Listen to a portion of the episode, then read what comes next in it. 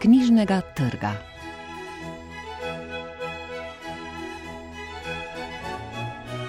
Dober dan. Oddajo z knjižnega trga bomo tokrat začeli z zahvalnimi spevi Dejana Kosa. V nadaljevanju pa nas čakajo še roman Dušana Jalinčiča Še pet nevidnega morja, 12 tablet svinca, kratke zgodbe Tove Jansson v zbirki poslušalka in etnološko-kulinarična knjiga Janeza Bogataja z Janezom Trdino za dolensko mizo. Recenzije so napisali Petra Koršič, Robi Šabec, Nives Kovač in Isto Kilih.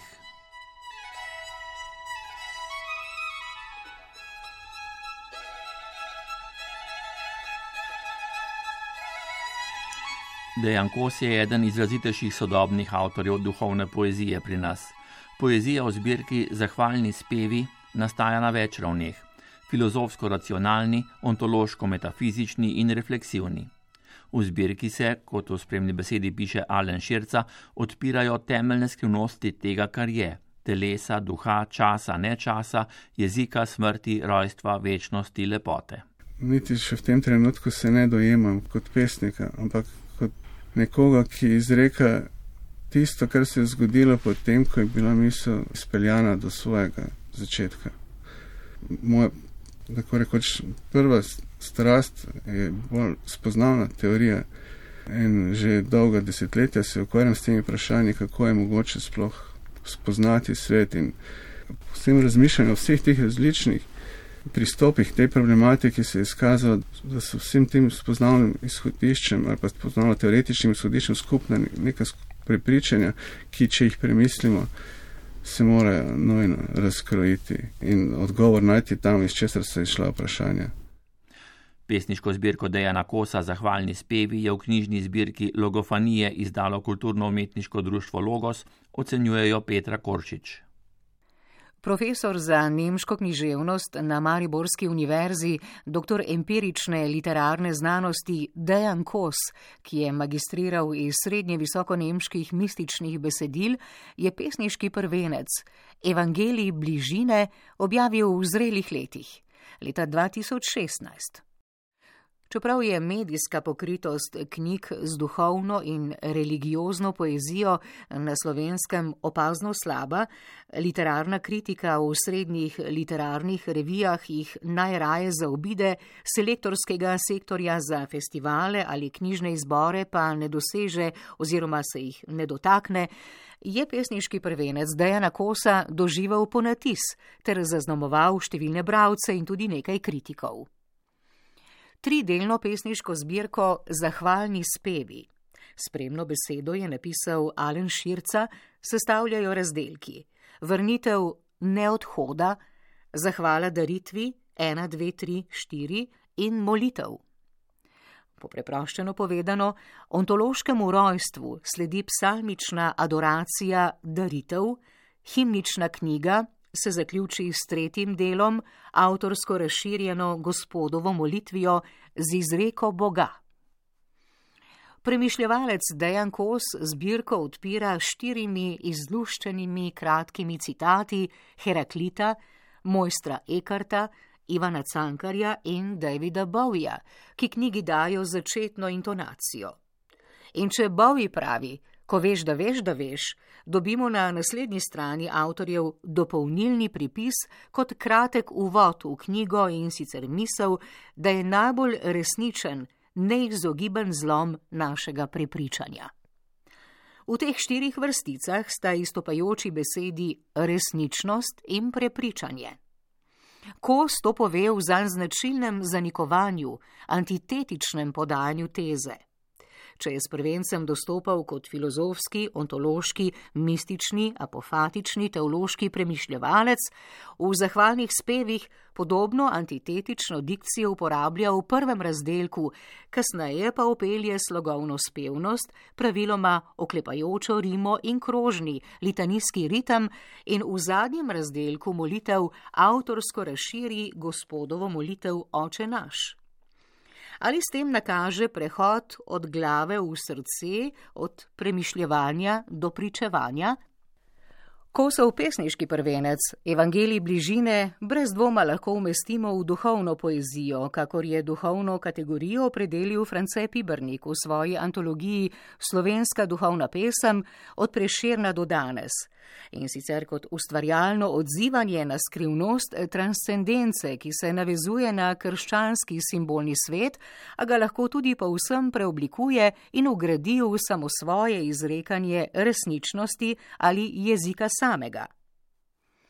Kosovo drugo zbirko, zahvalni spevi, ki se bolj neposredno navezuje na krščanski simbolni svet, pa lahko umestimo tudi med religiozno poezijo, kolikor ta zame pomembna pojmovna distinkcija pomeni večjo transparentnost podobja iz določene religije, v tem primeru konfesije oziroma krščanstva.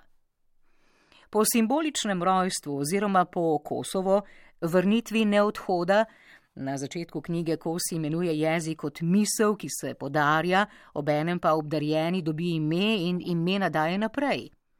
Trostišje, ki zaobjame jezik, misel in ime s transcendenco, Bogom, opelje tudi pomembno razsežnost za duhovni premislek in to je neskončnost, ki je edina oblika osebe, ki je edina luč praznine, kakor pravi Kos. Lahko pa interpretativno dodam svobode kajti milost je usoda osvobojenih, beremo v prvem razdelku.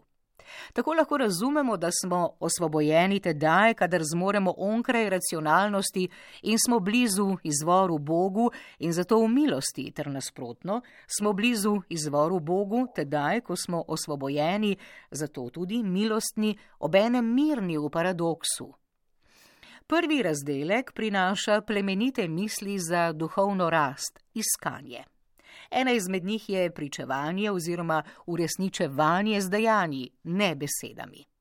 Razodetje je uresničeno samo v dejanjih. Dejanja so spomin zapisan v telo. In tako kos že napove nadaljevanje knjige, to sta daritev in molitev, saj se transcendenčno bližino obnavlja, spominja z molitvijo, po kosovih zanikalnicah, negacijah, dobesedno. Molitev prebira nepozabo, zapisano v telesa. Treba je reči, da se ob usvajanju kosovega besedišča bravcu odpirajo pomeni. Tu omenjeni Bog je naprimer pri kosu izvir, že od Evangelija bližine. V zahvalnih spevih izvemo, da je v zanikanju izrečen, kar ni nobena novost glede na dikcijo iz Evangelija. Novost pa se zgodi na 82. strani, kjer je imenovan z imenom Bog prvič in edinič. Sam konec tretjega dela in ves četrti del zahvalne daritve je pomemben, saj se že na 73. strani kos pesniško obrne na nagovorni ti, ki je v štiri stišju prej imenovan prvi klic. Ta, po obsegu najdaljši psalmični del knjige, napisan praviloma v štiri stišju z oklepajočo rimo, je nastavljen najprej kot nizanje trditev v obliki vprašanj z litanijskim anaforičnim ponavljanjem mar ni. Od spraševanja o smislu obstoja do racionalno težko umljivega mističnega drsenja vrtenja v pomenjanju besed, pridejo zahvalne daritve spet v ponavljanje, tokrat v obliki anafore leti in v spevnem ritmu, spominjajoč na litanije. Sklenejo se, kjer se v zahvalnih spevih zgodi drugo izredno mesto krščanske konfesionalnosti. To je v obliki definiranja Boga, ki je priča v obličju sina, torej s Kristusom.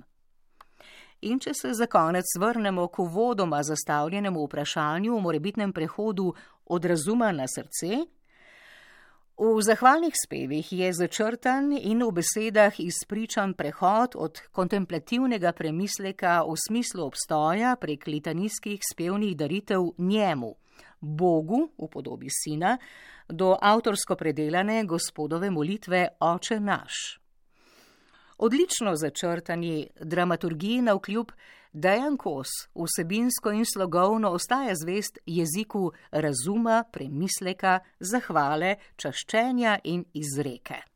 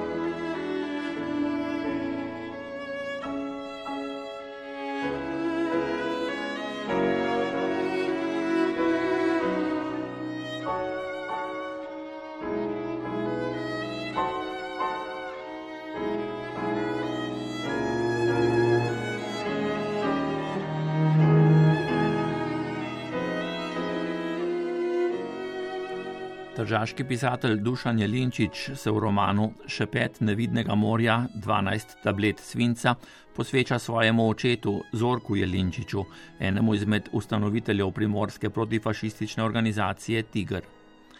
Pripoved gradi na njegovi pisni zapuščini in temu primerno je dikcija skopa, fragmentarna. Roman je izdala Tržaška založba Mladika, o njem piše Robi Šabec. Pisatelj Dušan Jelinčič ima pester nabor literarnih del, od kritik, esejev, dramskih besedil, kratkih zgodb in novel do številnih romanov. Prav romani so ga povzdignili med najprodornejše sodobne slovenske avtorje in v tem kontekstu ne gre spregledati njegovih romanov na temo Himalajizma oziroma gorništva, med katerimi je zagotovo v spredju večkrat nagrajeni prvenec Zvezdnate noči. Številni so tematski sklopi, zgodbe in žanri, ki jih v svojih delih popisuje in podpisuje Dušan Jelinčič. Roman Šepet nevidnega morja 12 tablic vinca pomeni velikanski odmik od Jelinčičeve dosedanje, recimo temu ustaljene literarne prakse. V njem je namreč zajet in popisan napor povsem druge vrste, ki v temeljih presega boj alpinistov na vezi, obsojenega na steno in samega sebe. Vrnitve dejansko ni in pot vodi naprej, naprej v preteklost. Jelinčic se namreč v romanu Šepet nevidnega morja, 12 tablic vinca, spoprijema s tistim, o čemer je preprosto moral pisati. Gre za obračun povsem druge vrste, za soočanje avtorja s sabo, s svojo lastno preteklostjo, s traumatsko izkušnjo očetove in svoje družinske dinamike, torej z vsem tistim, kar je hkrati njegov osebni obračun. Ob tem pa še univerzalen koncentrat soočanja primorskega človeka s svojo popreteklostjo, z usodo fašističnega preganjanja in terorja. Kratki roman o oporu, peklu in ustajenju je prav to in še veliko več, je namreč avtorjevo obesedenje neobesedljivega. Na uvodnih straneh romana Šepet nevidnega morja 12 tablic vinca je neposredno po smrti očeta Zorka zapisal. Ko se je poletni večer končno razbohotil in je tišina zajela vse robove doma žalosti, sem se v prvem mraku naposled odločil. Stopil sem v očetovo sobo, odprl skrivnostno omaro in trdno, kot bi se bal, da mi bo splahnela izpod prstov in obenem nežno, vzel zajetno mapo, položeno čisto na vrh.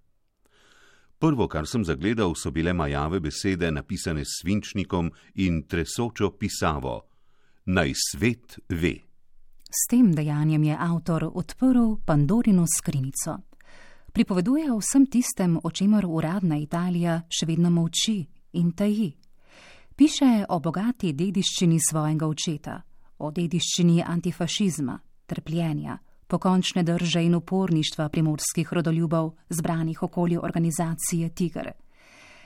Jelinčičevo pisanje v knjigi je pogosto fragmentarno, dotika se očetovih zapisov, razmišljanj, ki jih je v jetniški celici, pogosto v samici, sam in za sebe, potencialnemu nasledniku pisal na skrivni košček papirja. V opomin in svarilo, ter pozabil izogib. In Zorko Jelinčič je imel kaj zapisati. Bil je soustanovitelj organizacije Tiger. Pred posebnim sodiščem v Rimu, ki je bil nadaljevanje prvega tržaškega procesa, je bil leta 1931 obsojen na 20 let ječe. Na začetku druge svetovne vojne konfiniran na jug Italije, po padcu fašizma pa se je priključil partizanom. Med njegovimi ožjimi sodelavci so bili alpinist in filozof Klement Juk, Danilo Zelen, preostali tigrovci in tako dalje. Pred nami je torej pripoved upornika, ki je do dobra poznal tigrovske akcije in to vse od atentata na uredništvo fašističnega časopisa Il Popolo di Trieste do likvidacije brutalnega učitelja Sotozantija v vrh polju pri Vipavi, če omenimo zgolj najodmevnejše. Avtor se pri popisih drži pravila, da Zorko Jelinčič in njegova življenjska pot zahtevata preprost, fragmentaren zapis, kot si ga je tudi na račun preštevilnih zaporov Idrija, Koper, Rim, San Gimignano, Čevita Vekija in pozabil izogib priboril Zorko sam. Njegov sin Dušan v tovrstnem konceptu nadaljuje očetov domala stoičen položaj, minimalizem v pripovedi in akcija v dejanjih. V tovrstnem naboru so opisi mučenja z ricinusom, utapljanje, tako imenovani San Antonijo ali Sveti Anton in druga, predstavljeni zgolj bežno, kar pa na bravca deluje še toliko močneje. Dosti odločneje v delu zaživijo besede Tolstoja, Dostojevskega in predvsem Bartolovega Alamuta v svoji tigrovski različici. Ne gre niti mimo Cirila Kosmača in na ključne ali namenske usporednice z njegovo znamenito gosenico. Samo žrtvovanje, nasilje in oboji. Čemu? Za koga in zakaj? Razmislek, ki preveva domala vsako stran Jelinčičevega romana razmislek, ki bega zorka in ga vsemu nasilju na vkljub postavlja na trdno gandijevsko mirovniško pozicijo. Tudi in prav zato Dušan Jelinčič svojo pripoved o očetu, na kljub težavam, ki pogosto spremljajo to vrstno pisanje v odnosu oče-sin, opravi z odliko.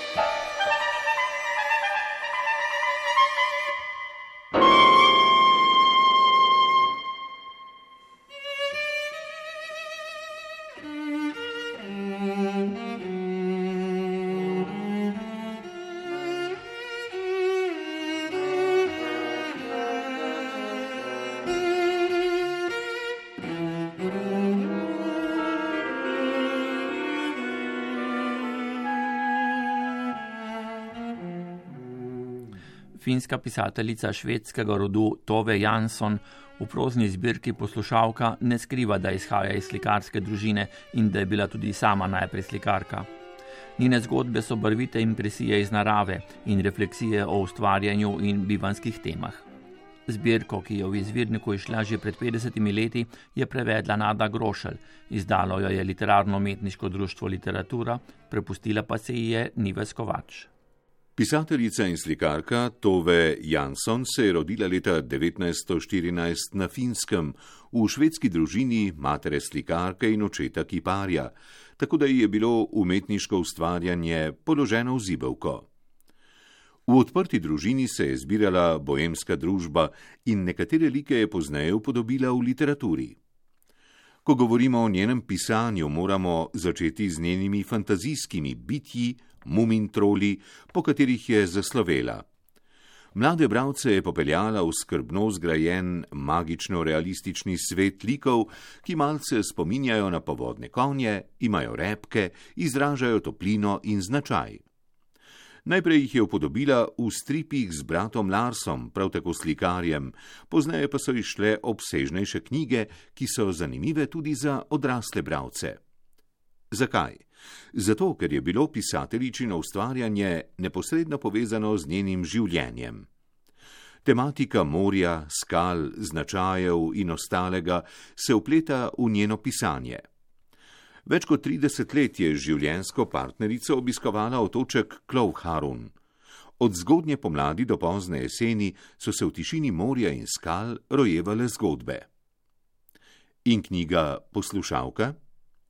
Na skromnih 120 straneh se pred nami izpiše 18 različno dolgih zgodb. Začnejo se z zgodbo, po kateri je knjiga naslovljena, in se končajo z veverico. Nekatere zgodbe so kot majhne miniature: spomladi, tiha soba, vihar, siva svila, predlog za uvod, volk. Druge so daljše, vendar ne obsegajo več kot deset strani. V zgodbah Tove Jansson je veliko barov in letnih časov, ki vplivajo na nastopajoče v pripovedih. O protagonistih ne izvemo veliko, sliko si moramo ustvariti sami. Podoba je dosti krat poustvarjena, zamovčana, včasih zabrisana. Igravci v besedah so večkrat umetniki, tako tudi v zaključni kratki zgodbi Veverica. Prebivalka samotnega skalnatega otoka piše in živi v osami. Pred vsako možno socializacijo se umakne in hkrati hrepeni po njej. Veverico vzame za izziv, skuša se z njo zbližati, ko pa ta odide, se s tem sprijazni in začne spet pisati. Leta 1966 je Tove Jansson dobila Andersenovo nagrado. Žreb desetega kongresa je za podelitev nagrade določil Ljubljano in na tem kongresu se je z njo srečala njena prva prevajalka Marinka Soban.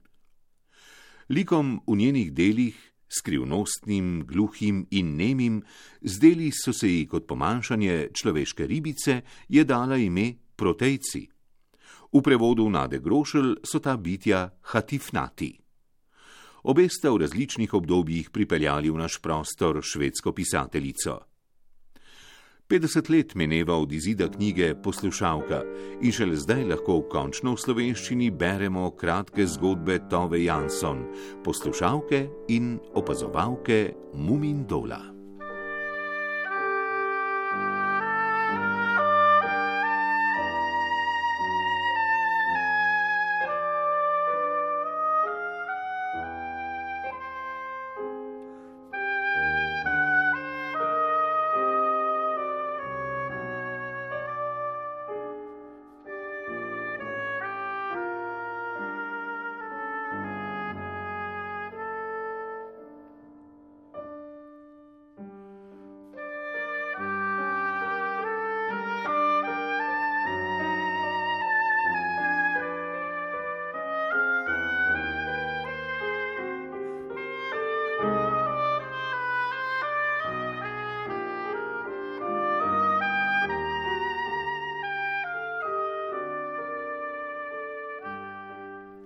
Janez Bogataj, etnolog in antropolog, ki se med drugim strastno ukvarja s kulinariko, je predlani v knjigi Z Valvazorjem za mizo preučil prehranske navade v slavi Vojvodine Kranske.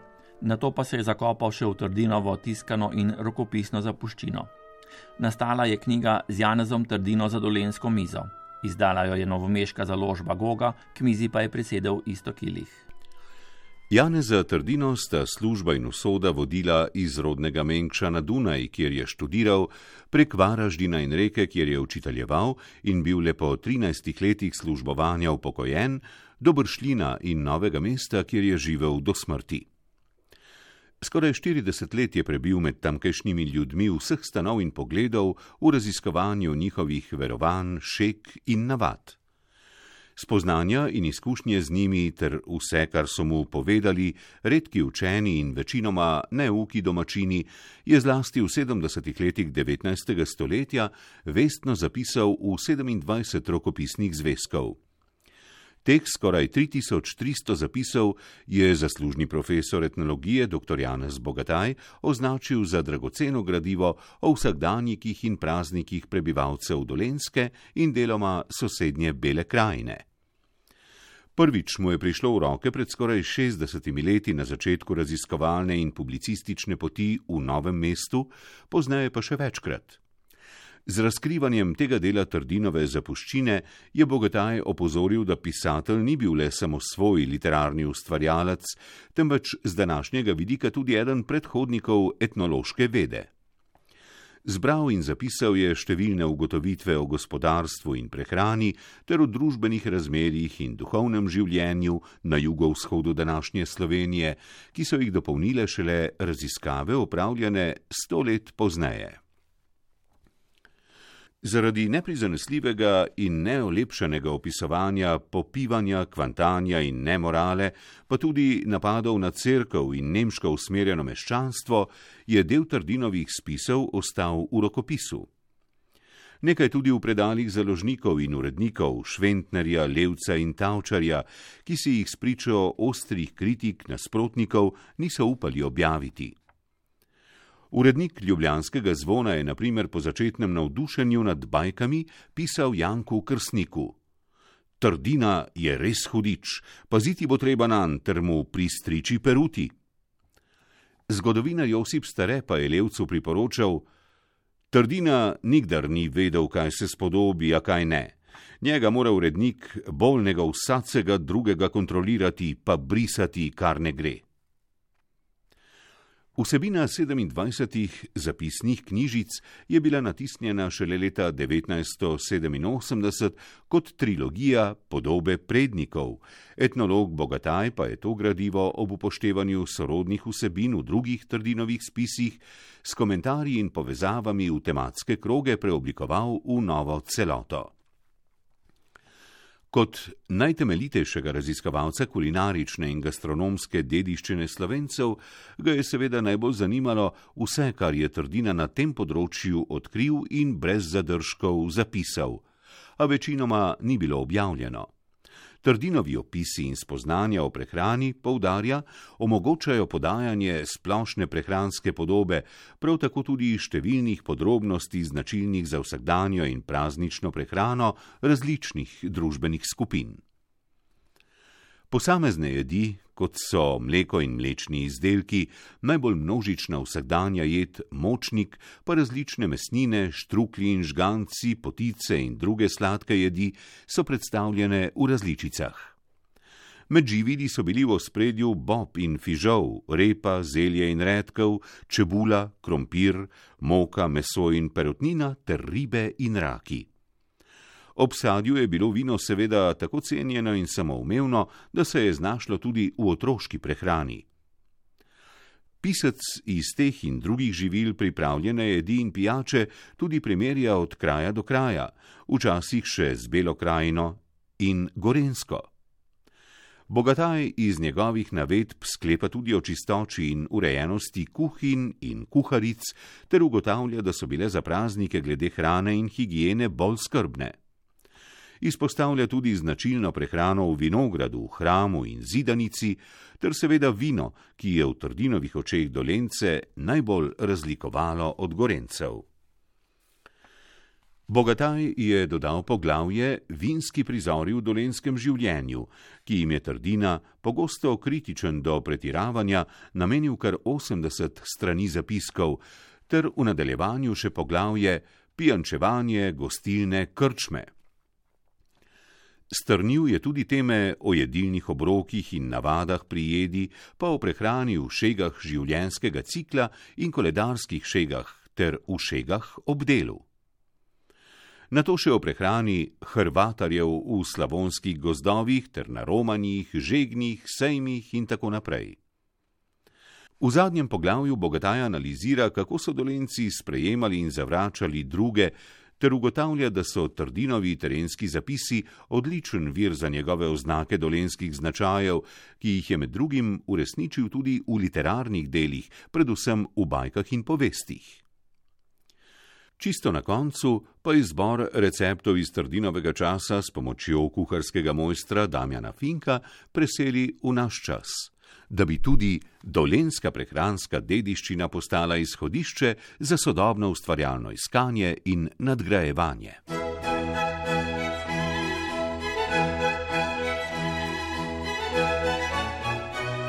Poslušali ste oddajo z knjižnega trga.